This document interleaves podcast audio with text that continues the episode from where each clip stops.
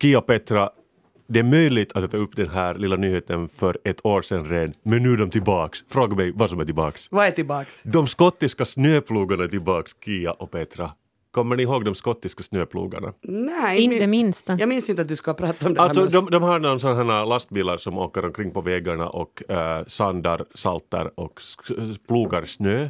Äh, som vi har här i Finland också. Men i Skottland har de en nätsida att du kan i realtid följa de här snöplogsbilarna runt om i landet. Och säkert har de någon app också. Ja. Och jag vet inte, jag tycker det är så härligt att det är så modernt. Det är som de ungerska plommorna kommer till butiken i augusti. Man blir alltid glad. Men de kallas gritters, de här snöplogarna i Skottland. För grit, vad betyder det? Det betyder sand eller någonting. Och, men det är namnen på de här gritters som är superkraften. För man kan följa dem och de har alla ett namn. Och lyssna vad de heter. Hansel and Grit All. Sen är det Snow Connery. License to chill. Salt Disney. Boo! Britney Spears. Den är bra. Sled Zeppelin, vilket jag inte riktigt förstår. Och sen är det Gritallica. Buzz Ice Clear och You Only Grit Ice. De är lite haltar några av dem. Men alltså är det inte just, jag tycker att sådana dad jokes, det är ju nästan som dad jokes. det, ja. Att ju sämre desto roligare. En nation av dadjokare är de i Skottland. Och ni vet hur Skottland vill ju vara en del av Skandinavien nu för tiden. Ja, ja de, Att de räknar väl sig nästan till det. Alltså jag tycker vi ger dem en plats på Nordiska rådet bara för de har så bra namn på sina plogbilar. Jag tänkte att de där plogbilarna också så här typ skulle spruta ut haggis eller, eller man skulle liksom sjunga, vad är det? Säckpipa. Säckpipa eller någonting, att det var någon sån här liten jox också med. Det, är det inte så. säkert. Alltså det är säkert nästa år. Men vi återkommer nästa år. Bra.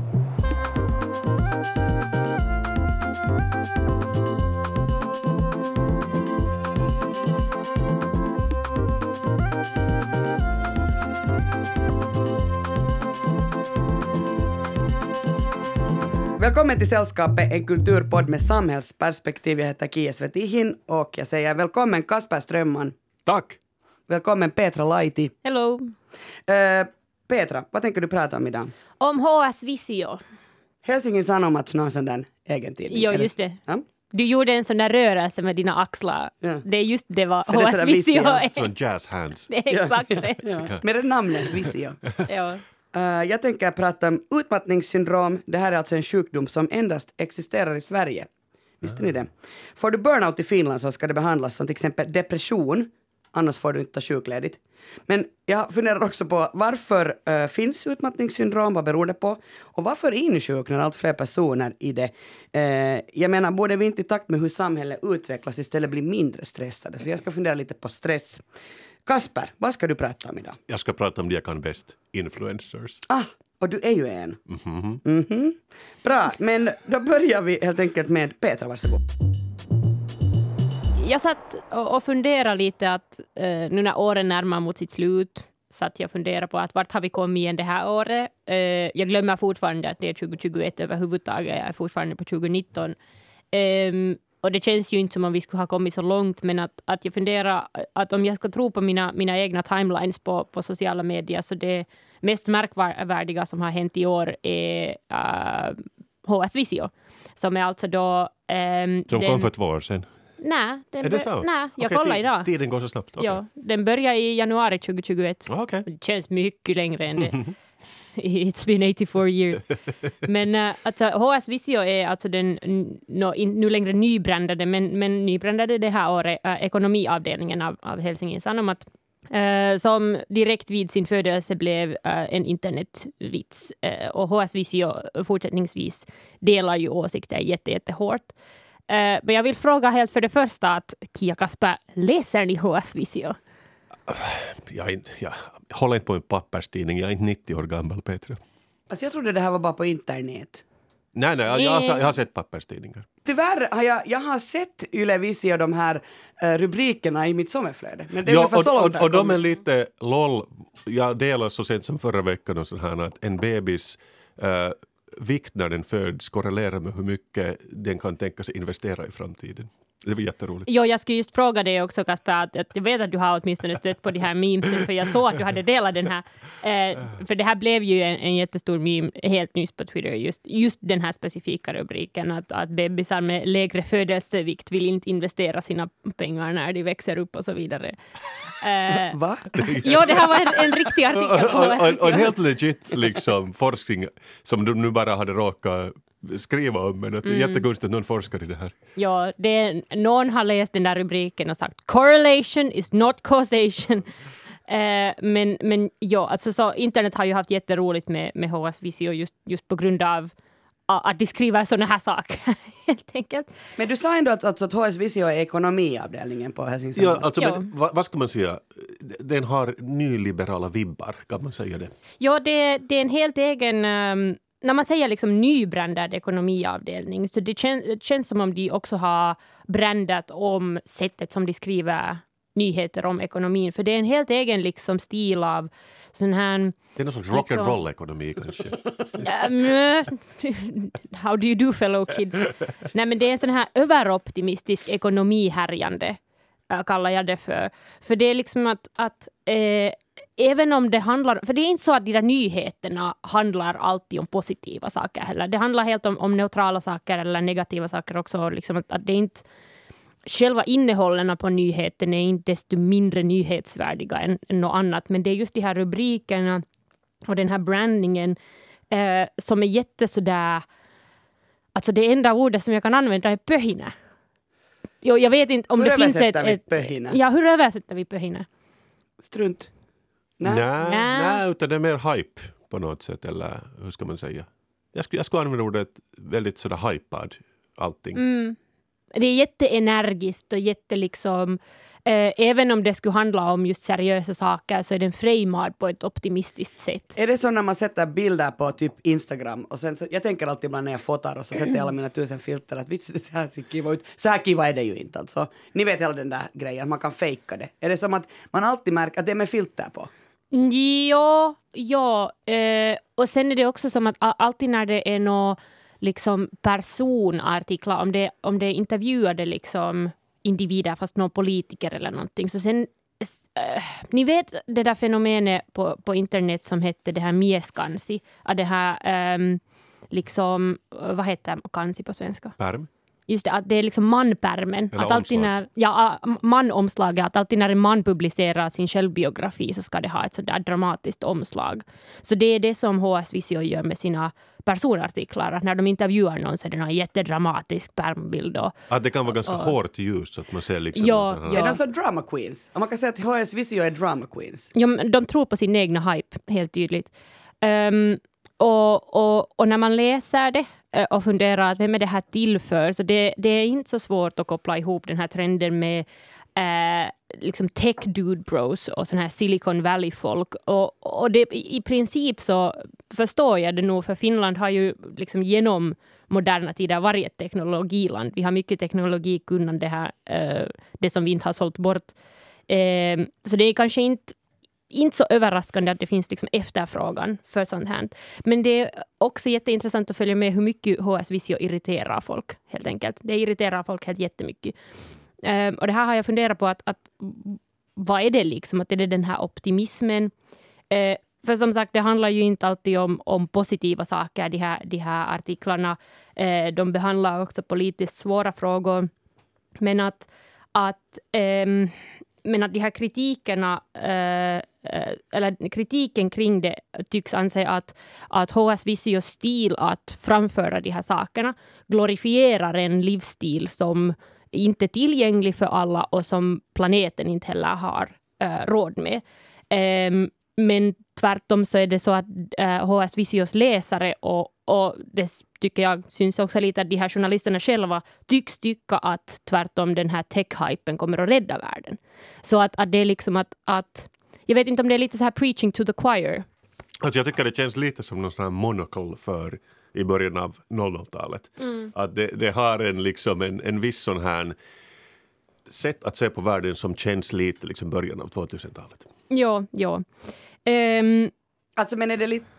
Det, det känns ju... Alltså så här, jag, jag tänker att äh, säkert st- st- senaste stora satsningen HS har gjort, det kanske var så här nytt lite på 90-talet som handlar om så här kultur och, och stad och så här. Och sen kanske har de haft en kulturbilaga. Men nu är det här att det, det som är liksom quote unquote häftigt är det liksom ekonomi på ett sådär fräsigt sätt. Mm, mm. Och eh, ja, för mig så är det ju det här att, att när jag kollar framsidan av HS Visio eh, så ser jag de här olika ämnesrubrikerna där. Eh, och när man går in på hs.fi så ser man att där finns nu för tiden så finns det just typ nå Dagens Nyheter, HS Visio, kulturpolitik inhemskt och så vidare. Så man ser att HS Visio är där som en, en helt egen liksom, rubrik. Och under HS Visio, då man klickar på den, vilka rubriker finns under uh, eh, HS Visio? Det står ekonomi, teknologi, bilar, börs. Ja, bilarna fattar jag inte riktigt. Hur hör de ihop med någonting? Ja, exakt. Men är det liksom manliga, manliga, inte värderingar, men manliga intressen? Alltså, jag vet ja. inte riktigt. För, för i princip så... Det, känns lite gammalmodigt att säga heller att bara män skulle vara intresserade av ekonomi och, och bilar och börs. Men att, att, att nu får man ju den där vibban att det, det här är liksom mies Hesari. Att det, här, det här är, liksom, är det här liksom äh, evolveringen av male products? Och är det så att det där nytt lite, det var till kvinnofolk för det var kultur? Det blev, det blev för kulturellt. Fockigt är för feminint när ja. det är för mycket färger. Men, men det, det, det att ni sa liksom att, var det Kasper du som sa att det är 2000-tal? Uh, jag tycker det känns som, som då, det fanns då liksom glossy magasin som började kanske med någon wallpaper på 90-talet som blev, och sen grundade Monocolor och det var mycket sådär att man just att det är sådana stora klockor och flygplan och bilar sådär som man egentligen inte är så jätteintresserad av. Så det känns bara som att den grejen nu liksom en 15 år senare. Mm. För jag har förstått nog ju, eller jag har inte förstått, det är ju så att nu trendar ju 2000-talet. Mm. Så jag menar det ska vara det där jättelåga byxor och det ska vara Avril Lavigne och vi släpper äntligen fri Britney och ni vet mm. så här. Att jag menar kan det vara bara eh, alltså trendigt också att man tar tillbaka inom media det där utseendet från 2000-talet?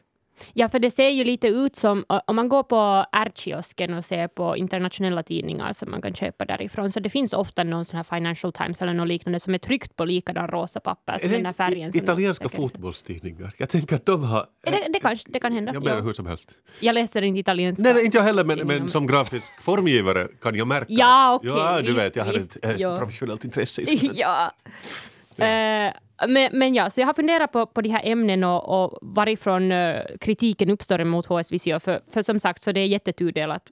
Um, och jag har funderat på att, att, att är det månne den här att um, för den här gammalmodiga argumenten skulle ju vara då att, uh, att de, handlar om, de här artiklarna handlar om saker som um, ja, att de behandlar främst liksom ekonomiskt privilegierat folk, men det stämmer ju inte he helt, för det handlar också om folk som har byggt upp någonting från noll. Och de försöker liksom involvera en bredare skala av människor som deltar i ekonomin. Men, men jag funderar sen att, att är det sen det att mm, när HS Visio eh, liksom i princip ställer ekonomisk välfärd eh, som ett mål i livet, som att det är bra och positivt att sträva efter ekonomisk välfärd, ekonomisk vinst. Men att helt enkelt så är det att, att kids these days, så tycker jag inte längre att det är så great. Um, för det, det, som, det är väl inte heller för kids riktigt heller? No, men ja, nu men, i morse när jag... Ja, vem är målgruppen? No, nu i morse när jag öppnade HS Visio för att kolla de senaste, så där fanns någon podcast där de hade intervjuat två 19-åriga Twitterkillar jag vet inte, nu säkert vill de också attrahera yngre, yngre läsare, ehm, men ja, jag vet inte. Men att det som jag äh, tänker på när jag försöker fundera att, att vad är det som skulle attrahera yngre läsare till HS Visio, vad, hur når de den här hypen? varför står det ingenting om klimatkrisen på HS Visio? Varför är inte den här HS klimatklocka, varför är den inte integrerad i i den här ekonomiavdelningen. Varför har de bil där Varför men har de inte bilar klimat? men inte klimat? Det här förstår jag inte, för det, det känns på något sätt, det om någonting känns som om det skulle vara från 2000-talet. Att nej, nej, klimatet kan vi lämna bort från de här sidorna, men det här är nu hardcore ekonomi och teknologi och investering och börs och Alltså det känns lite gaspedalen. dammigt. Det känns så dammigt. Jag Tek förstår inte. Teknologin kommer ju att lösa det där med klimatet, eller vad är det de Ja, vi säger? behöver inte tala om klimatet när de här teknologiinnovationerna på Slush Jatcon kommer att lösa vår kris här. Nej, men alltså det här förstår jag inte, för att, att eh, varför, ska, varför ska de som är intresserade av, av ekonomi, teknologi, bilar och börs få en helt egen del av den här tidningen. Och så kan de samtidigt sitta och tycka att, att det är ju resten av världen som inte vet hur man borde läsa ekonominyheter. Eh, eller att, att det är ju liksom de andra som skulle gynna sig av att läsa lite mer om, om börsen. Eller att, att man ser ju från bebisens födelsevikt att den inte kommer att vilja investera. Liksom, det här förstår jag inte. Jag förstår det inte helt enkelt. Men att, Skriver de något om det här, ja, de sakkunniga säger att det ska bli en ny krasch igen. Är det inte sånt de borde skriva, liksom börskrasch? Eh, nu var det någon, någon sån här uh, hyperinflation-nyhet. Men det var också som att lyssna på den här ekonomiska mangurun som berättar om ekonomins uh, framtid och så vidare. Men, att, att, men jag vill säga några ord till om det finns en enda lyssnare som lyssnar på oss och läser HS Visio, om det finns en chans att den här vändiagrammen innehåller en människa. Så jag vill säga att det är okej. Okay. Jag är ekonom. Jag är Hanke Eat. I'm one of you. Uh, och jag säger att, att det är ekonomerna som borde läsa något annat än ekonominyheter. Det, det är våra ekonomiska nyheter som borde integreras hårdare till resten av Helsingin Sanomat och inte skiljas ut. Så om det är någonting som jag skulle önska i julklapp i år så är det att slopa HS Visio och istället, Hårda ord. och istället fördubbla kultursidorna på Hesari. Så kanske vid nästa pandemi som klimatkrisen kommer att föra oss så, så skulle vi ha kanske ekonomer som förstår sig på kulturbranschens ekonomi istället för bara bilar och börs. Punkt. Fint att få ett ekonomiskt perspektiv också i sällskapet. Jag har under några olyckliga år i mitt liv varit mellanchef. Uh, och, och under den, den, tiden så, så fem ur mitt team sjukskrev sig med omedelbar verkan. Orsak, de hade alla utmattningssymptom. Och vi var alltså mitt i ett sånt krävande förändringsarbete och vi skulle helt och hållet göra om våra rutiner och arbetsmetoder. Och jag säger inte att jag är slapp i onödan. Tvärtom är jag alltså en sån som kräver väldigt mycket eh, av de som jobbar i mitt team. Men liksom att fem stycken skulle få utmattningssymptom. Jag vet inte, jag kommer ihåg att jag, att jag kände mig som någon sån här fruktansvärt vidrig diktator med skräcktendenser. Jag ska prata om utmattningssyndrom. Eh, vad är det egentligen och varför räknas det inte som en sjukdom i Finland då så många är sjuka i det? Kasper och Petra. Mm -hmm. Jag börjar låta som Kasper, jag vet. Jag börjar med att fråga, när var ni senast riktigt stressade och det här på grund av ert jobb? Uh, ett år sedan var jag sjukskriven för en vecka. Hade du utmattningssymptom? Uh, jag hade det som man uh, kallar för, jag vet inte vad det heter på svenska nu igen, men jag hade det som man kallar för alikuormitus. Va? Vad betyder det? Det är för lite att göra. Nej. No, men det var på grund av, det var vid en tid då vi bara väntade på coronabeslut helt enkelt. Mm. Uh, och så hade man, man satt ensam i en bubbla och väntade på att man får meddelande. Och då kan man bli utmattad av det. Men att symptomen är likadana som utmattningssyndromet, men det, orsaken är bara motsatsen till. Men vad hände i dig? hurdan blev du? Nå, utmattad. Det var helt exakt likadant som om, då när man blir utmattad. Man blir trött och, och slö och, och lite deppig och, och man sover jättedåligt och man vill inte riktigt äta och, och så vidare. Kasper?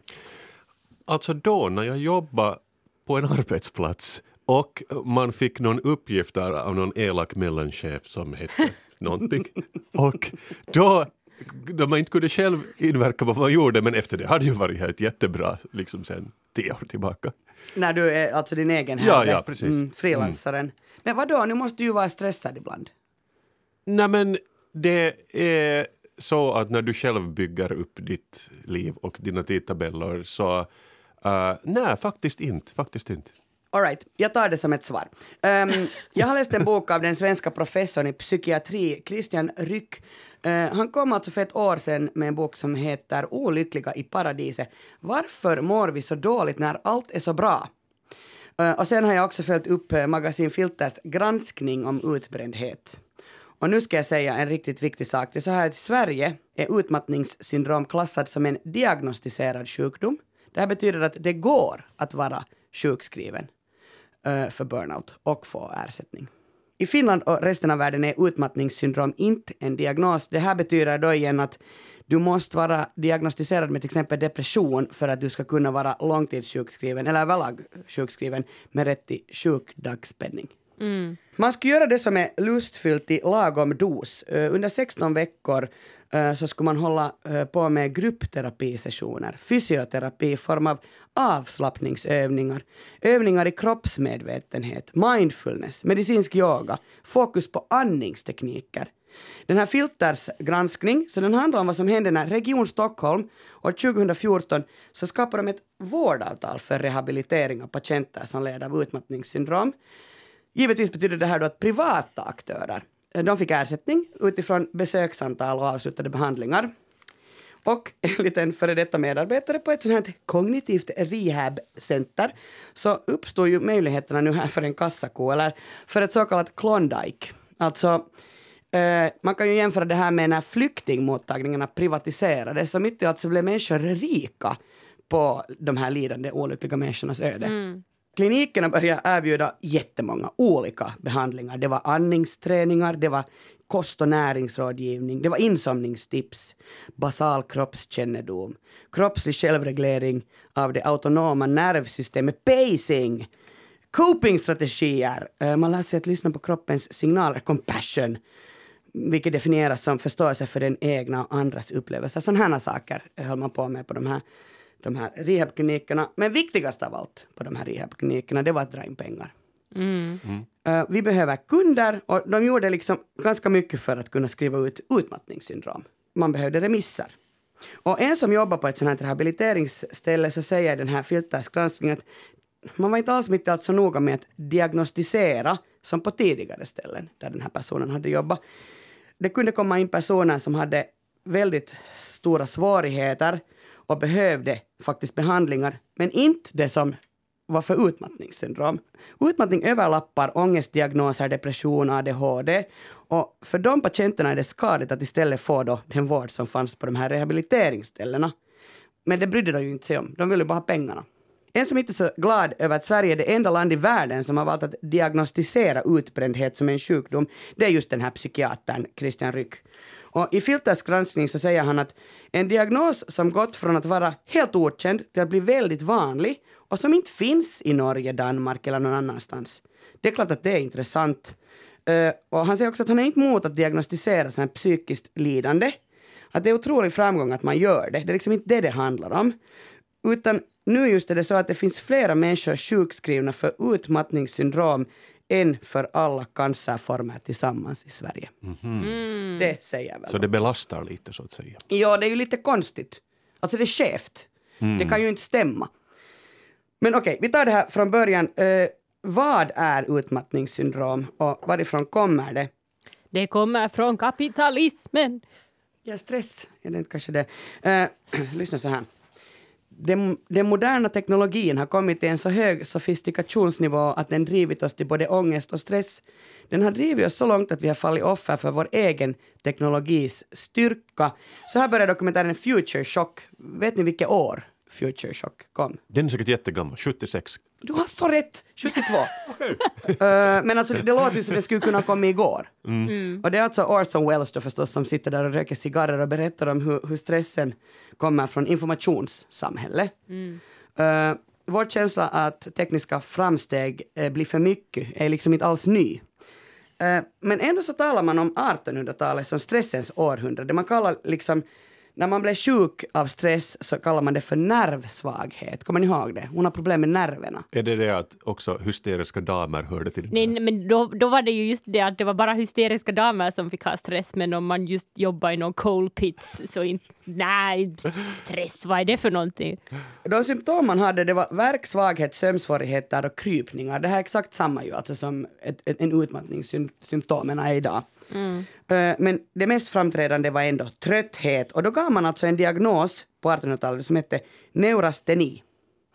Och då föreslog man en rad behandlingar som kokain, cannabis och arsenik. Nice. Det finns nog bra saker med 1800-talet. Eh, och sen bara bestämde man att nej, nej, universalbehandlingen det är att vila. Att nu kommer ni sluta ta kokain. 1920 var man ändå sådär att okej, det här är ju ingen sjukdom, det är ju depression och ångest de här människorna har. Men det blev också ett skifte från att vara en svaghet i nerver och därmed inte psykiskt till den här psykiska depressionen och ångesten.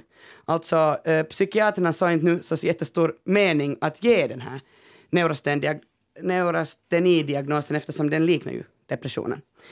Uh, Men det verkar som att människor i alla fall de här senaste 150 åren ändå haft en känsla av att vi lever i en, i en tid som bara blir stressigare och stressigare. Känner ni igen det?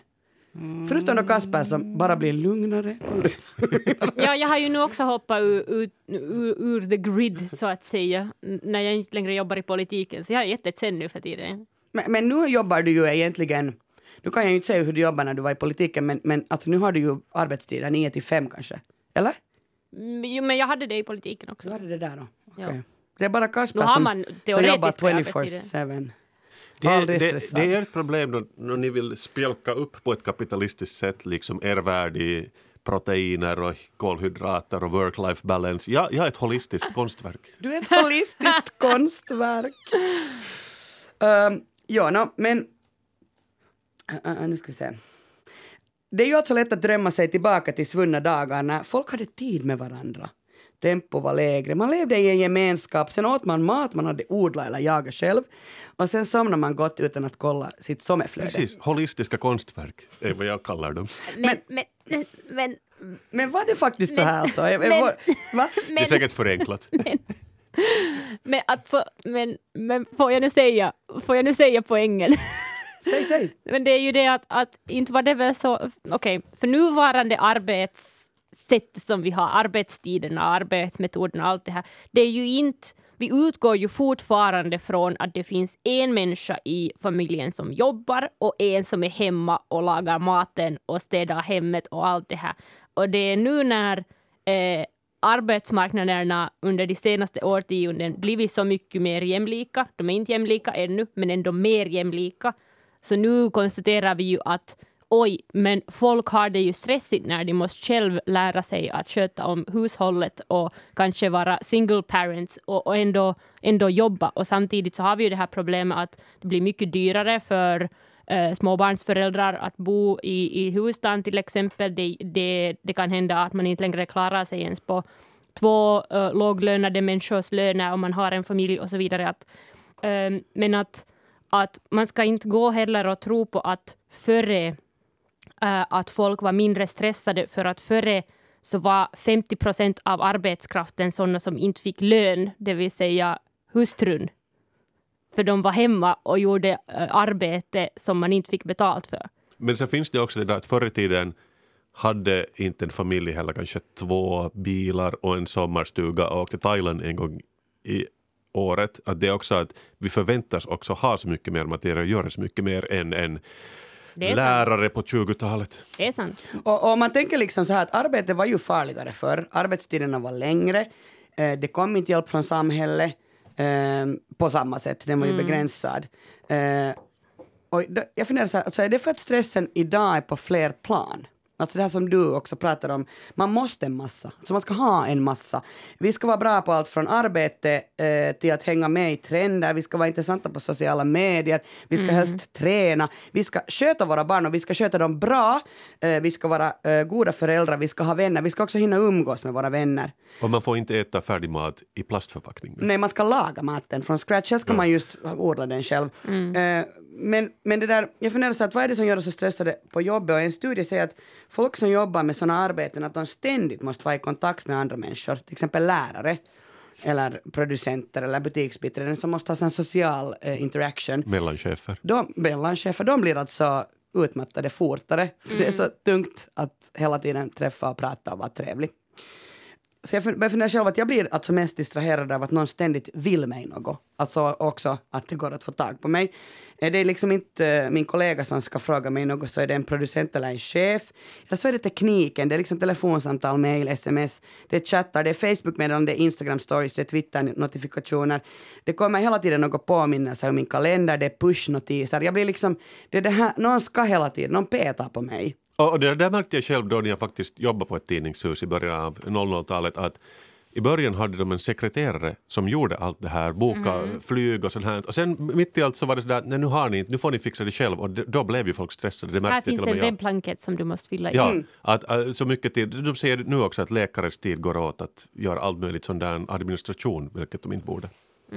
Såg ni den där bilden förresten på Twitter som var just sådär att, att teknologin gör allting eh, lättare och sen fanns det en bild på en sån här iPad, ni vet på hotellfrukost när det finns liksom, du trycker på den här iPaden så finns det typ vatten och, Och juice. och Ja, juice och ja. sen fanns det, någon, någon hade bara klistrat ett papper på det där iPaden där det stod typ någon äppelsaft.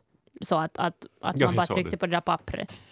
Bara, det här, det här ja. är vad, vad nuvarande sam, samhälle gör till oss på arbetsmarknaden. Eh, nu tänker jag igen åka tillbaka till år 1936. Så ni märker, jag tycker om att leva i, i dåtiden. Lord Hoarder, eh, en engelsk läkare. Va? Han heter Vad så. Låter så. påhittat. Eh, jag hittar inte på. Lord Hoarder. Eh, han säger så att, att livet har alltid varit påfrestande, det är själva priset för att leva. Men det moderna livet, ser ni, det var värre det. Eh, det är konkurrens, det är snabbare takt, det är arbetsmonotoni, det är tristess, det är brist på fysisk träning och sömn, det är uppspelta nöjeslivet, det är brus, det är, det är liksom onödiga, dumma, provokativa, det själviska oljudet. Äh, man alltså betraktar neurasteni, det här är alltså 36 på 30-talet, som en konsekvens av dåtidens Amerika. Och jag tycker ju om att man skyller på USA i alla situationer man bara kan. Man påstod att USA liksom hade så uppskruvat, de hade uppskruvat tempo, rastlöshet och jättemycket påfrestningar i livet. Och det som var problematiskt här är att man hela tiden var på jakten efter njutningen. Och det kan jag väl säga att vi gör idag också. Vi ska ju hela tiden ha den där ultimata njutningen i livet. Mm, vi ska ha serotonin. Ja, och, och det gör att vi blir Så utmattade. inget nytt där med andra ord. Neurasteni kallades också amerikanitis. Den amerikanska sjukan. Nåja, men varför tror ni att man upplever då att livet bara far fortare och fortare framåt? Det är Eh, för att man blir äldre. I den här Christian Ryck, den här boken jag då har läst, så där menar engelska forskare i den boken att vi jämför oss med hur vi själva hade det tidigare i livet. Alltså, vi kanske har olika typer av ansvar nu eh, som vi inte hade för 15 år sedan. Eh, men egentligen så är hela grejen här att vi ska jämföra oss med hur våra föräldrar hade det vid samma ålder. Mm. Uh, vi är bundna av vårt sammanhang. Vi kan liksom inte blicka tillbaka hundra år och säga att vi har det så otroligt bra och därmed känna liksom att vi har inga nuvarande plågor. Det är lika lite som, jag brukar ibland säga till mitt barn att kom ihåg att när jag var liten fanns det inte liksom någon iPad och jag fick inte välja tv-program hur jag ville. Uh, du ska minsann hitta på att roa dig själv, det har ingen skillnad. Det är inte det jag kan jämföra med. Jag måste jämföra med hur min mamma hade när hon skötte mig när jag var sex år gammal. Det, det är då man kan säga så här, men hade jag det lättare eller svårare? Hur mycket mer stressad var jag, är jag idag än hon var då? Mm. Okej, men det, jag antar att det är typ samma, eller? Det är väl ungefär samma, ja. Ja, jag skulle säga också. Eh, min mamma säger alltid så här, eh, för vi är tre stycken i min familj, alltså tre barn. Och jag sa, hur kan man ha tre barn? Eh, och då säger hon alltid så här, men därför att man behövde inte, det var inte så noga. När ni var små, liksom, det var inte så mycket. Ja, att man inte cyklar med hjälm Två barn, tre barn. Du har ju tre barn, jag vet inte hur noga ni är hemma. Ja, vi, vi, vi använder nog hjälm. Det, det har kommit, det är nytt. säkerhetsbälte och flytväst. Eh, men vad är det som gör att vi inte med tiden mår bättre? Det borde vi ju. Alltså allting blir ju enklare. Vi försöker förenkla allting. Eh, det för mig är det väldigt stressigt att till exempel hinna till dagis, alltså hämta och föra barn. Sen har det också blivit så att stress det är stressen som gör liksom att, att jag i varje fall blir helt utmattad. Jag tror att stressen är väl det som gör att de flesta blir helt utmattade.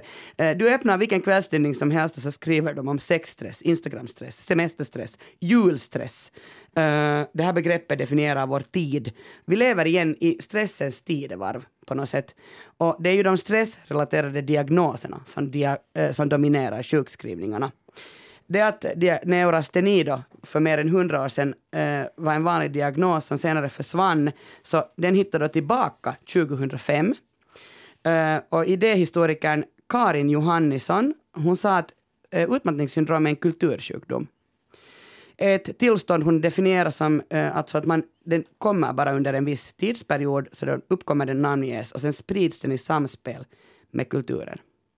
Alltså kan begreppet kultursjukdom då framstå som att man menar att besvären är inte riktigt verkliga. Avser hon kulturens betydelse för hur vi etiketterar eh, vårt lidande? Alltså, inte att lidande skulle vara oäkta eller förtjäna mindre respekt eller omsorg, men de här diagnoserna styrs av tidsandan i form av normer, värderingar, föreställningar och aktuella hotbilder.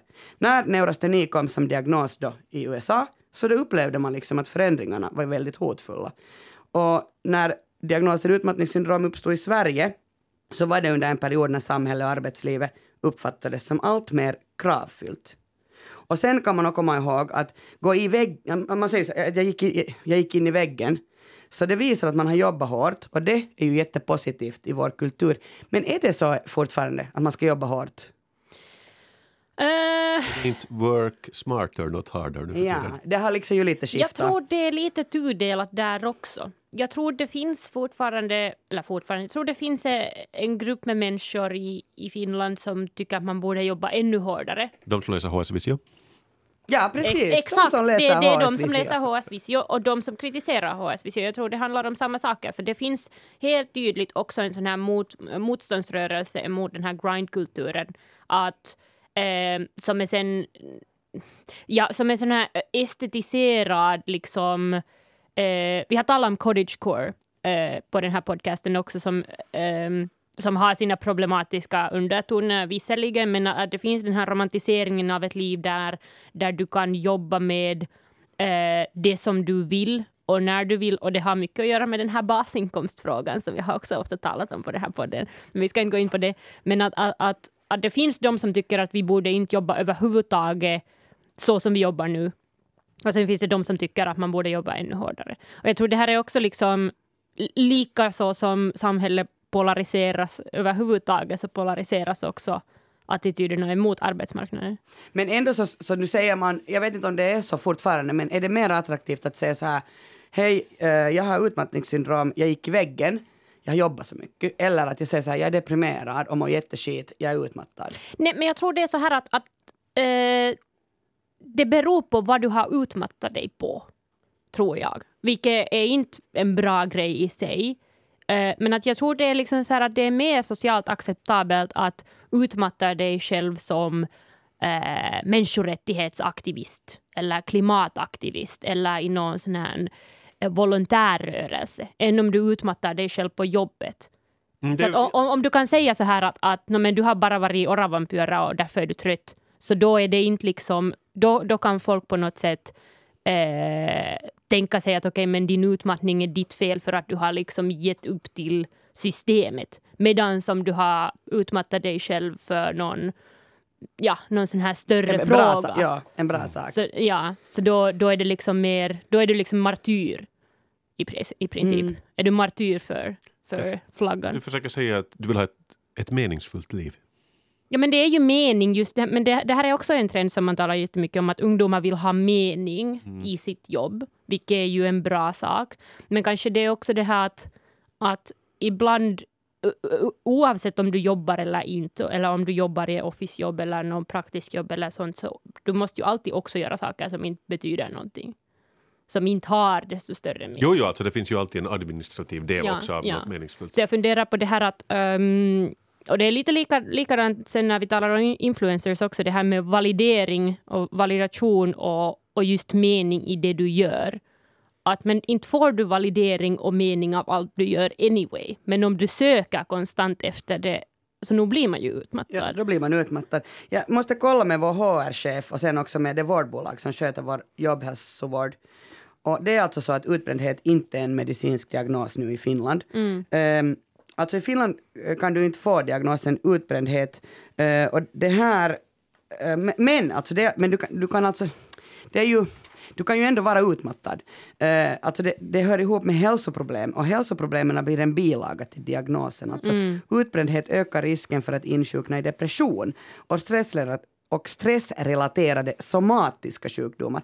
Alltså svår utbrändhet är ju förstås ett jätteallvarligt tillstånd och att återhämta sig från utbrändhet kan ta flera månader och det här tillståndet kan faktiskt förändra hjärnverksamheten permanent och därför är det jätteviktigt att man måste ju, man måste ju följa med och märka ifall någon börjar visa symptom, att man är utbränd. Eh, att arbetstagaren återhämtar sig och blir bättre, det liksom räcker inte heller utan omständigheterna på arbetsplatsen måste, då för, måste ändras. Eh, kriterier för utmattningssyndrom, och nu ska jag testa er. Har ni känt några av de här symptomen som jag räknar upp varje dag under minst två veckor? Nu får ni, ni får liksom räkna poäng. Yes. Koncentrationssvårigheter eller minnesstörning. Jag har alltid haft. påtaglig, påtaglig nedsatt förmåga att hantera krav eller att göra saker under tidspress. Kasper, han vet inte ens vad det här är. Vadå tidspress? jag har aldrig inte jobbat under tidspress. Känslomässig labilitet eller att du, man är irriterad? Alltså jag tycker det är lite vagt. Jag tycker vi borde ha liksom en, en lite skala på de här på något sätt. No, ja, men alltså också, no, sömns, jag, jag går igenom listan. Ja, ja. Söm, sömnstörning, Nej. uh, kroppslig, påtaglig kroppslig svaghet, eller man märker att man är helt uttröttad. Jo, men det gör jag bara för dramat. Okej. Fysiska symptom, värk, bröstsmärta, hjärtklappning, magtarmbesvär, yrsel eller ljudkänslighet. Tandbesvär. Uh, hjärtklappning, mag, tarm. Tarmbesvär. Inte tandbesvär, tar- men det, allting hänger ihop. Alltså det här var de här, ja. Ja, ja. Alltså, men det låter som om man ska diagnosera på grund eller på basis av de här så kan det vara svårt. också eh, att jag skulle kunna säga ja till alla, också Mm. lite beroende på hur, hur humör jag är på just då. Är är jag irriterad Det är själv? som symptomen till covid, att det är alltid sådär huvudvärk och snuva. Men sådär, ja men det har jag ju. Jag har alltid huvudvärk och snuva. Ja. Eh, Men egentligen är det ju skitsamma hur sann en diagnos är om man ser att människor mår bättre av den. Är inte problemet här att vi då inte vet hur vi ska behandla patienter som lider av utmattningssyndrom. Och det, eh, det som då den här Christian Ryck frågar sig är om det därför just är bra att sätta den här diagnosen utmattningssyndrom på folk när vi inte vet om det hjälper. Ja, men det är väl kanske också en fråga av att eh, om det är en utmattningssyndrom, speciellt om du har fått den på arbetsplatsen, så kan det ju ha jättemycket att göra med att du känner att ingen ser att du har det svårt på jobbet eller att, att du lider av ett strukturellt problem eller att du har någon dålig HR-relation eller dålig, eller, eller dålig relation med en kollega till exempel och att, att, eh, att du mår sämre av att du känner att ingen märker eller ingen vet hur den där liksom stressen av den där situationen påverkar dig på jobbet. Eh, och det är ju också liksom ehm, man blir ju, eller man mår ju bättre än av att få en, en diagnos, inte bara av utmattningen, men, men också att man i princip eh, man diagnoserar situationen på arbetsplatsen och funderar på vad olika saker beror på och varför man blir utmattad. Och det mår ju folk bättre av också, att man, eh, man känner att man blir liksom Sedd. sedd. Ja. Precis. Eh, Den här Christian Ryck han säger då också att, att eh, det är ju klart att, att man ska uppmärksamma psykisk ohälsa. Men det är alltså att, att man sätter allt alla olika typer eh, av lidande under liksom samma paraply. Det är det som blir problematiskt och då blir följden att över, eh, en överbelastad vård, för lite hjälp till de som verkligen behöver det och sen helt för mycket psykiatriska diagnoser. Kia Petra, vi har nu hållit på med den här podden i åtminstone ett år. Och det känns som vi lite har hittat våra roller nu, eller hur? Alltså vi är snart två år, Kasper, vill jag bara påpeka. Två år som jag sa. Och då har vi liksom roller här. Petra, världens minsta minoritet, tar upp grejer som gäller er finlandssvenska samer. Och det är mycket att ta upp varje jag, vecka. jag repsar för mitt folk. Ja, och så har vi Kia, grävande kulturjournalist. Finns det ingen kultur, ge henne en spade så gräver hon tills hon hittar kultur. Det är din roll här i livet. Jag är helt utmattad. Och så har vi lilla jag. Lilla du. Och ni vet väl vad min USP är?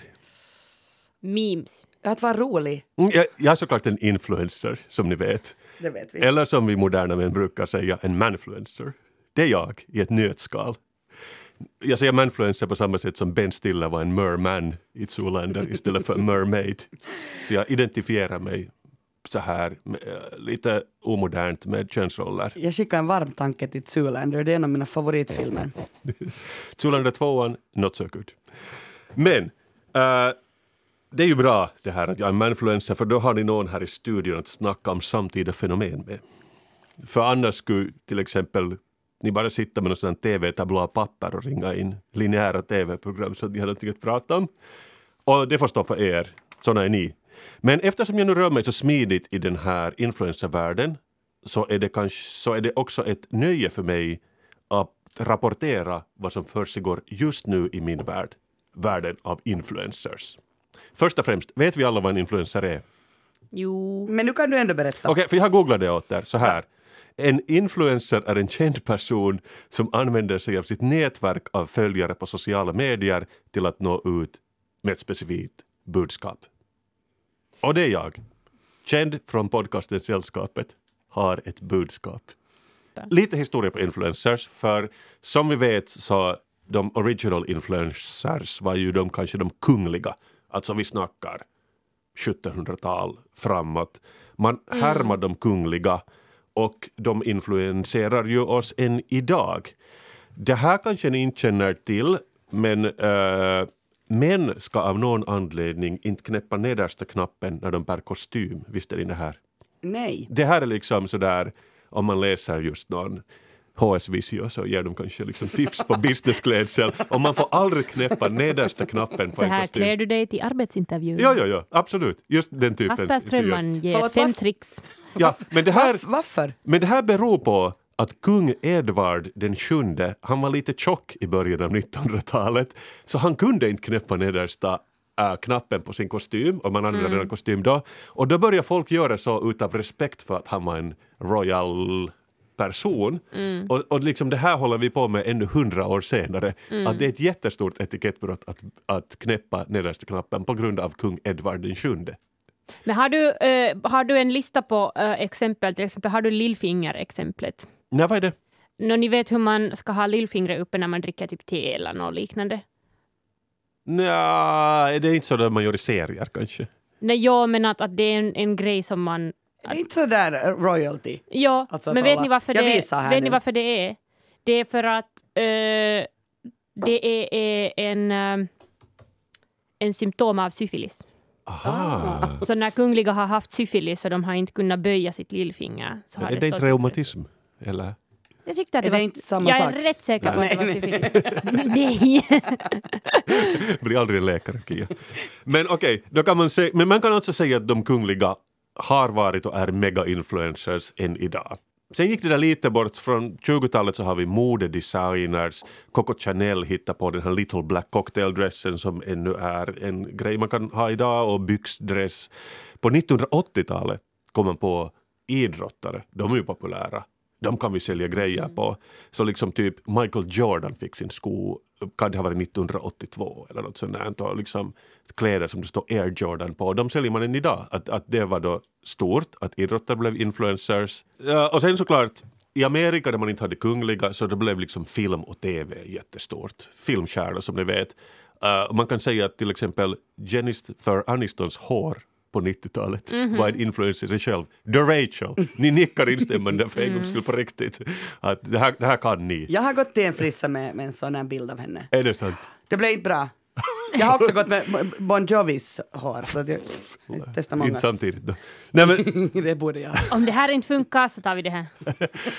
jag, tror, alltså jag har läst faktiskt Jennifer Anistons har liksom tjockt och självkrulligt hår. Att det var jättesvårt att platta till det alltid. Att det var så otroligt mycket jobb att få till det på det där sättet. Och hon hatade det där håret. Alltså det kommer jag ihåg att, hon, att jag har läst någon intervju med henne där hon sa att det tog så länge att laga det. Och hon tyckte inte att det var snyggt. Fast alla ha- hade ju sånt hår då. Ja, ja, ja. Det kommer ju snart tillbaks. Okej, men eh, fotomodeller var också stort i något skede som ni vet. Men sen efter millenniumskiftet, så då vände det plötsligt. För då kom det en grej som vi alla älskar. Internet. Och plötsligt hade också vanlisar möjlighet att nå ut på ett sätt som inte var möjligt förut. Vet ni vad årets ord 2004 var? Blogg. Det var en vän, det här är sant. det här var... Det stämmer bra. Och plötsligt börjar vi alla bry oss om outfit of the day och sånt. Ofta förkortat hashtag OOTD. Uh, jo. Så kom... du hade glömt bort det här. Jag hade, jag hade inte glömt bort det för att jag har följer, min vän, min vän håller på med det nu. Ah, ja, okej. Det är ju massor med folk som håller på med det och liksom, ja, ja good for them. Good Men for för, them. för mig känns det bara jättestressigt att, att fota vad man har på sig varje dag. Man fotar väl alla på en gång och så portionerar man ut dem över en vecka, jag förstått. I bra ljus. Aha, tricks. Ah, tricks of the trade. Det är så man gör ja, det. Ja, Så att man inte liksom bränner allt material på en dag. Så 2010 kom Instagram som bara accelererade här. 2018 översteg eh, de en miljard användare. Och det är där vi är nu. Att liksom, det är kanske den största plattformen för tillfället. Där, där folk influenserar. Men eh, i takt med att influencers nu för tiden, som ni vet, marknadsför allt möjligt, det har kommit där. Men nu har man börjat märka att det där kanske börjar riktigt gå bort för att de är inte alltid så pålitliga. Storföretag sådär, jo vi anlitar någon men kan vi verkligen lita på att de gör vad de gör? För Eh, nu kommer jag inte ihåg vem det var, men det var faktiskt någon skådespelare för ett par år sedan. Jag kommer inte ihåg vem, så han fick en otrolig summa. Det var så här 15 000 eller 150 000 dollar för att göra reklam för ett armbandsur. Men sen bara liksom gjorde han det inte. Det ska vara en bild på Instagram, men han sa äh, orka liksom lägga ut en bild på ett armbandsur. Så han bara tog pengarna. Och det blev någon liksom strul med det här då. Fick han hålla pengarna ändå? Det här är viktigt. Ja, för, jag har inte följt upp den här historien. Men, men bara som ett exemplifiera att det är inte alltid så enkelt att lägga in en Mm. annons i en tidning så då får du verkligen annonsen men att de kan vara lite fickle så här, Mm. oss influencers. Ja, ni influensare. Så kan vi ju inte ha det, det förstår jag ju själv också. Men därför, och det är egentligen, det har varit en lång intro till vad jag komma till, så hittar man redan 2016 på virtuella influencers. Har ni hört om dem? Jag tänker direkt Sydkorea eller något sånt här. Ja, det är absolut. Det, det, där, där har det varit stort. Jo. Men också USA, så den största var jättelänge Lil Miquela. Som, uh, hon är alltså en datoranimerad ser tillräckligt mycket ut som en människa för att man ska kunna identifiera sig med henne men, men man ser också samtidigt att det här är 3D, en 3D-animerad version av en människa. Så det, det är alltså en startup som heter Brad som har kommit på Lil Miquela. Och man kan kalla det också för en digital avatar. Och hon har faktiskt gjort reklam för både Calvin Klein och Prada. Och då har man också byggt upp en hel backstory för Lil Miquela. Att hon är en tonåring från Kalifornien men har brasilianskt spanskt ut... Äh, brasilianskt spanskt, vad heter Bird, vad säger man? Bird. Bird. Ja, ursprung. Och hon är 19 år gammal. Hon kommer ju aldrig bli äldre heller, för hon är inte en riktig person. Det här låter farligt. Ja, men det här har pågått hur länge som helst. Det här är gammalt nu redan. För jag kollade faktiskt igår på en lista över de 15 mest populära virtual influencers. Och hon är faktiskt bara tvåa nu för tiden för hon har bara tre miljoner följare. Etta idag med 4,7 är Ludo Magaloo som tydligen då en influencer i den här latinovärlden för det står på hennes by att hon är influenciadora virtual. Ah, Så- bien. Ja, så så då, då känner vi inte till henne för att vi, vi rör oss inte i den Vi, vi världen. vet bara det engelska. Men Ja. alltså, m- Det här är alltså startups som, som de, de bygger personer på samma sätt som det har funnits virtuella popbands just i Korea och förstår, men jag förstår ändå inte. Det är, de är jättepraktiskt, de gör helt som du vill. Du, de är inte liksom, du, om du ger Lil Mikaela en klocka, hon kommer att berätta om den klockan. Hon kommer inte att glömma bort att berätta om en Men, klocka. men jag som användare, jag som inte är en influencer, jag vill hellre liksom gå till, till Kasper Strömman som är på riktigt. Jag vill inte gå till den där Miguela. Miguela. Lil Mikaela, säg då åt hennes tre miljoner följare. Jag vet inte, det här känns gnarligt. Och det, det är roligt också att Barbie är trea på listan av virtuella influencers, vilket betyder att hon följer sin tid. Vi tror, liksom, de kanske inte säljer de där dockorna mer, jag säger inga barnlekar, men, de, men hon har också blivit en virtual influencer som kan sälja nu allt möjligt på sin Instagram. Visst, jag tycker vi lever i en Barbie-renässans. Gör vi det? Jag, Jo, köp, jo. jag köpt Barbie-dockor till julklapp här nu, men hör du, är du avundsjuk på dem? Alltså, finns det en, en rival, rivalitet bland de äkta, nej, inte äkta influencers, för nu är ju Lil Mikuela lika äkta som du, men bland en riktig människa Kanske och en mer. fake. Nej, det här är egentligen ännu historien, för jag kommer snart berätta vad som är det nyaste i influencervärlden. Uh, och sen hade, det är ju det här att riktiga influencers de har sina liv, men Lil, till exempel Lil Miquela hade lite av en kris för ett par år sedan då en annan virtuell influencer som heter Bermuda hackade hennes konto år 2018 och så, så deletade hon hennes bilder och laddade upp sina egna. Men det här var ju såklart också skriftat, det, här liksom, det var inte ett misstag. Nej, nej, det var det var planerat. ja. Men att det blir liksom mera action när du har ett helt team av, av manusförfattare som kan bygga de här karaktärerna så att säga. Eh, det, har, det är såklart inte heller helt smärtfritt med virtuella in, influencers för de, det är ju orealistiska skönhetsideal. Det har ju satt som Barbie i alla tider. Och de här nya, de är ju såklart, de, de är ju inte fula de här, fast de är virtuella. Utan de, de, de, det är ett ideal som är svårt att uppnå om du inte är gjord av ettor och nollor som de här. Och sen då är det vissa influencers som säger de tar våra jobb. Men vi är lite trötta på virtuella influencers nu faktiskt, år 2021. Men den här, det här året har det då kommit det allra senaste i influencervärlden. Det är människor som influerar, men de är på riktigt skådespelare. Så det är igen en startup som har grundat så Ah, det här. här har jag hört. Ja, Det är, liksom, det, det är riktigt fake riktigt. alltså det är riktiga Ja. människor, men de har någon... Skådespelaren, influencer. De är halvöppna med att de är fake. De har en hashtag sådär fictional. Men det känns ändå som de är riktiga människor. För de pratar sådär till kameran och de, de filmar själv sina grejer. De liksom typ är sina egna regissörer till sina feeds. Det här, känns, äh, det här sker mest på TikTok då. Jag vet inte, eh, för jag funderar på det här, jag läste en artikel om det här och jag funderar att är det månne lättare att skådespela en influencer än att vara en influencer själv? Nå, det är ju en, eh, en stor del är just att iscensätta sig själv som influencer. Ja. Som det där att man tar sju stycken outfit of the day på en dag inom bra ljus och så portionerar man ut det. Så skillnaden är kanske liksom inte jättestor. Men just den här startupen som har de här fictional influencers så de har tagit det så här långt att de har åtta olika influencers på TikTok. Företaget pratar om liksom åtta olika storylines. Och så har de ett team med manusförfattare som skriver liksom vad som händer i deras liv och de som inte får tillräckligt med like faller bort. Som i någon sån här eh, uh, tv-program, uh, eh, vad heter de, Så reality, när de är på någon typ ö och så röstar man bort folk. Så det här sker då i en sån här fictional influencer-kontext. Och det blir ju intressant det de gör helt automatiskt. Det är mycket, det är liksom så på opera att det är mycket att någons syster har legla, legat med någons man också här. Vilket inte sker så ofta kanske i riktiga världen. För Att deras liv är något helt annat än bara hashtag OOTD. Att det, det är mycket drama där. Men är det meningen att man ska alltså veta om att det är Nej, skådespelare? alltså, fast det verkar som om folk inte bryr sig jättemycket om att de inte är riktiga människor. Att man följer dem, kanske man liksom vet att de inte är på riktigt, men det- det är så medryckande. Att man slutar bry sig och man något man bryr sig inte så mycket om det är sant eller inte. Nej, och, och också det att, att greppet, det är sådär lite skakig kamera och så här, så det känns också som det är på riktigt fast man någonstans vet att det här inte är sant.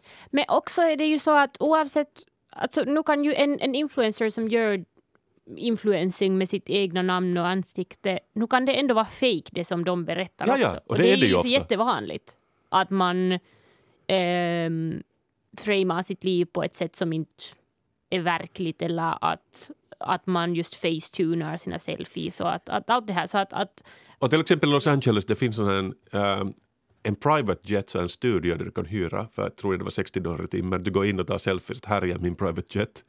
Och så kan du ta bilder där och gå någon annanstans. mm, Att det, är- det är absolut eh, det, det är en fasad, en kuliss så mycket som allt annat. Ni, ni vet eh, genren autofiktion som finns i, i, no, överallt, men mycket i litteraturen har det ju varit de här senaste åren. Innan autofiktionen kom så var det jätteviktigt för mig att veta till exempel också om du tittar på en film, att vad den, kom, baserar den sig på, på en sann historia. Jag läser en bok, handlar det här på riktigt om Kasper Strömman eller är han bara författaren? Det var det jätteviktigt för Men mig. också i filmer, det är ju alltid based on. Det Ja. är aldrig riktigt på Men, men i och med autofiktionen att den är överallt så har jag slutat bry mig. Alltså, för mig är det inte mer jätteviktigt. Till exempel jag läste Amanda Romares, den här halva Malmö består av killar som har dumpat mig. Och i boken så heter också huvudkaraktären Amanda.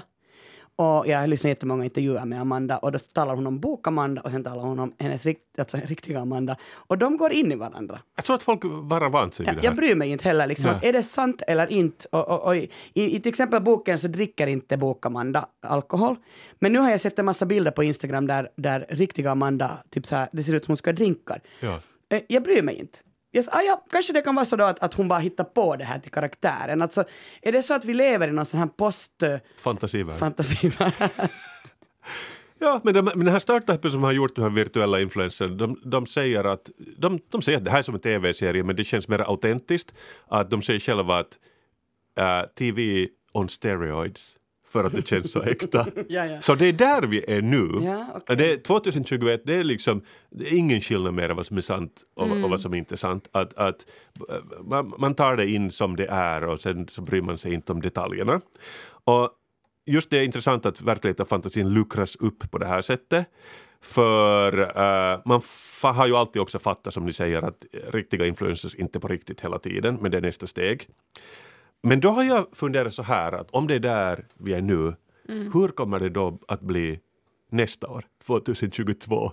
För det måste ju komma ett nästa steg från att vi har haft virtual influencers, vi har fiktiva influencers, men vad är då liksom nästa grej? Jag tror det är en cirkel. Jag tror vi kommer att gå tillbaka till någon vet du, Jerry Springer show eller något liknande. Var de inte också lite sådär fejkade ibland? Med Ja, men att, att, att för allt det här, från början då man har först haft eh, reality-tv på, på tv, så ända sedan det har man ju letat efter vad som är det mest autentiska, för folk vill ju alltid se autentiskt. Det är ju det som folk letar efter. Jag tror det är kanske det som är eh, nu att folk har sån här social media-apati, att när folk vet att allt det här är fake. Att man kan inte veta, man kan inte veta hur mycket pengar man har betalat den här influencern för att göra någon reklam eller rekommendation på den här produkten och, och man kan inte veta vem som har använt Facetune och så vidare. Så folk letar ju hela tiden efter, efter det som är mest autentiskt för att det känns mest äkta. Så jag tror vi kommer att vid något skede gå tillbaka till sådana här eh, liksom live-tv-exploatering. För nu, nu är det ju så, för, för det, det talades ju ett par år sedan om just Temptation Island och Love Island och det här, att det skulle ha varit nästa steg. Eh, eller det är liksom del av den här Big Brother-evolutionen. Eh, men det har ju också blivit jättekommersialiserat nu för tiden och folk är ju liksom ren influencers när de går in på de här de här tv-serierna, sen får de mer följare och mer pengar. Så jag tror vi kommer att gå tillbaka till rötterna av den här autenticitetsrörelsen. Och det kan du ju tro Petra. Men som du kanske vet så kallas jag också i vissa, kretsar Kasper Damus. För jag har gåvan att se in i framtiden. Och jag har då tre uh, spådomar eller liksom takes om vad jag påstår kommer att vara nästa grej i influenseringsyrket år 2022. Lyssna på det här. 1. Fiktiva idrottare. Har vi det ännu? Det har vi inte ännu. Om vi har allt annat. Alltså, liksom, varför bry sig om vem som har världsrekord på 100 meter sprint, 9,58 sekunder? För min fiktiva springare kommer göra det på 8. Boom! Där fick ni! Hur, hur tävlar man nu? Är det det är bara den som hittar på först? Alltså jag, jag kommer upp med en karaktär som är jättesnabb. Han, är- han är liksom Jättesnabb. Usain Bolt på steroider och han gör det på åtta sekunder. Och folk säger what? Hur kan du göra det? Liksom världsrekordet ligger på 9.58. Men Sådär, det här är liksom, han är en virtuell influencer. Ni kan köpa sponsor på hans shorts. Ni kan få ett klockmärke på hans shorts. För jag, jag funderar ju så här att för folk följer ju nu alla möjliga så här fotbollsstjärnor. Men varför ska man egentligen bry sig om vad Messi eller Ronaldo gör? För det är ju alltså killar som spelar Playstation hela världen och så spelar de lite fotboll på kvällen och så får de helt astronomiska löner, Tjänar miljoner. För jag tänker att jag kan också göra fotbollsspelare som är fiktiva, som gör cykelsparken i varje match. Folk kommer sådär, what? Hur gjorde du det där? What? Mycket, mycket mer intressant tycker jag med fiktiva idrottare. Okej, sen var det ju här nummer två på min lista av spaningar. Vi hade ju det här med att intresset för riktiga kungligheter lite har svalnat. För det första så sipprar det till exempel inte ut så jättemycket information från svenska hovet. Och så är det väl många som inte kanske tycker att det är helt perfekt att ha monarkiår. Ja, det är väl många som inte kanske skulle läsa heller om det skulle sippra ut. ja, precis. Inte så intresserad. Alltså visst, det händer ju nu också grejer och så här, men, men, men att det är här mina fiktiva kungligheter kommer in. Ni, ni fattar att liksom eh, det här är ett etiskt val. Vi behöver inte följa med vad prins Harry gör och hur han har lidit i sin barndom när han pratar ut för Oprah om det. Min fiktiva kunglighet kommer att varje vecka berätta något sånt här. Det är incest och det är allt möjligt hemskt men att ni kommer att vara ett järngrepp när ni följer med mina fiktiva kungliga. Alltså, make monarchy great again. För alltså, då skulle det ju faktiskt bli intressant för det blir så här helt galna katastrofer. Jättebra det är därför Storylines. som jag har, jag har jättemycket tyckt om tv-serien The Great. För det är ju fik, fiktiva historier om riktiga historiska människor. Alltså som handlar om uh, Catherine the Great. Catherine the Great. Vi är alltså redan där. ja, Ja. är skitbra. Men Catherine the Great behöver en Instagram och sen ska hon liksom berätta om Ja, sitt liv jag, lite. jag väntar att när, när uh, lagar de upp ett Instagramkonto för Bra, jag, jag är någonting på spåren Du här. är nog på spåren. jo. Och sen Ja. har vi tredje och sista spaning om vad 2022 kommer att innebära för influencers. Jennifer Anistons hår gör en comeback. Det, det gillar ni två. Mm. Ja, det gillar vi. Men nu som animerad version. Jag tänker att det är bara håret, det är inte hon själv alls. Och det är liksom The Rachel som är ute på skriptade äventyr. Det håret kan ha här ögon, sån googly eyes och så här. Och tänk själva liksom, det här håret, folk känner till det sedan 30 år tillbaka. Uh, den har en following, Friends går hela tiden på TV så, så man, man, man, kan relatera till det. Det gäller att pivotera som ni säger i ekonomivärlden. Kanske det där håret kan säga lite fraser. Man kan också sen ha årets julklapp kanske nästa år att man trycker på det så säger det “We were on a break”, vilket inte är Rachels line alls från TV-serien. Men jag tror stenhårt på det här, också som mjukisleksak. Inte peruk, det ska vara för obvious. Tack Kasper och Petra för sällskapet. Tack, tack. Tusen tack. Vi får gärna dialog med våra lyssnare. Ni kan skriva till oss på sällskapet.yle.fi. Alla referenser hittar du i avsnittsbeskrivningen på arenan. Vi hörs. Hej då! Hej då!